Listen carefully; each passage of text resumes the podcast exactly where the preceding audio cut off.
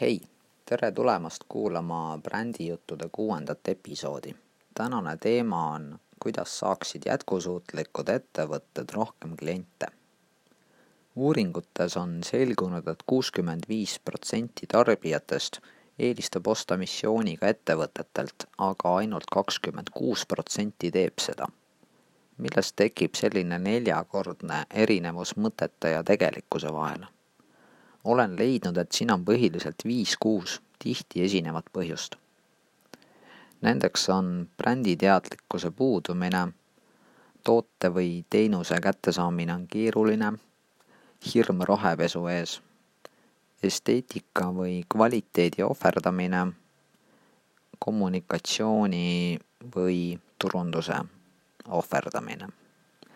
aga vaatleme neid teemasid lähemalt esiteks bränditeadlikkuse puudumine.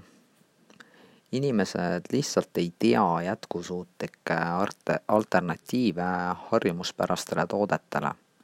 nii mõnigi kord olen oma tuttavatele tutvustanud keskkonnasõbralikke brände. selle peale on öeldud, vau, mul polnud aimugi, et selline lahe asi olemas on ja veel siinsamas Eestis. miks keegi sellest midagi ei räägi? Teisel juhul pole inimesed teadlikud ettevõtte missioonist ja keskkonnasõbralikkusest. seega ei teki huvi üldse asja edasi uurida, sest sarnast toodet, teenust pakuvad tõenäoliselt veel kümned tegijad. missioonist tuleb rääkida võimalikult varakult, sest lihtsaim turundusnipp on väita, et mingist hetkest alates ollakse rohelised. teiseks toote või teenuse tarbimine on keeruline. see tähendab, et kokkuvõttes ei tee see elu mugavamaks. näiteks enda prügi sorteerimisega kurssi viimine on aegavõttev pingutus. selle tulemusi ei ole näha, aga prügi sorteerimise eesmärk ongi ju selles, et tulemusi poleks kuulda ega näha, kõige vähem veel mingit lõhna tunda oletame, et sa arendad välja keskkonnasõbraliku alternatiivi kilele, mis on sama hinnaga nagu naftapõhine kile. kui selle ostmine on keeruline, näiteks infot on liiga vähe või liiga palju, klient ei saa teha kiiret ja mugavat check-out'i ükskõik kas kassas või veebilehel, siis ta ostab lihtsalt naftapõhise kilekoti. hind on ju sama suure tõenäosusega on uue toote hind aga vähemalt esialgu kallim, mis on taaskord tülikas. seega peab selle tarbimine ja kättesaamine olema millegi muu võrra mugavam või meeldivam. mitte keegi ei plaani ju enda motoks võtta, sa küll maksad rohkem, aga selle eest pakume sulle sitta kogemust.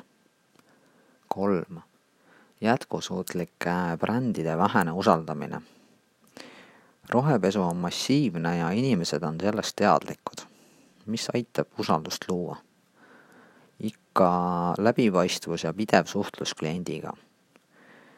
läbipaistvuseks ja personaalseks suhtluseks ei ole suured ettevõtted eriti võimelised ja suured on ka suurimad rohepesijad. neljas esteetika ohverdamine. tihtipeale on messidel ja laatadel esindatud ägedate toodetega kohalikud mahetootjad. lähemalt vaadates hakkab aga silma, et logo, pakend ja muu on tellitud mõnelt säästudisainerilt. samasse kategooriasse läheb ka kvaliteedi küsimus. mõned panevad kogu rõhu roheliseks olemisele aga ostja jaoks on oluline kvaliteedi, eetika ja hinna vaheline tasakaal.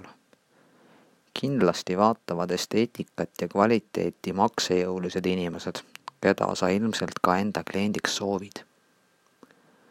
kuues, kommunikatsiooni ja turunduse ohverdamine. brändi lugu, suhtlus, läbipaistvus, brändi iseloom kõik see ja palju muud on tarbijale oluline. loomulikult on suurtel brändidel rohkem ressursse, et palgata kogenud turundajad, kuid kogemus iseenesest ei ole veel olulisem ehedusest ja autentsusest. ning nende kommunikeerimine on praegu lihtsam kui kunagi varem. seda olenemata ettevõtte suurusest. Kindlasti ei ole see nimekiri täiuslik ja võib-olla tahad sa siia midagi lisada või küsida.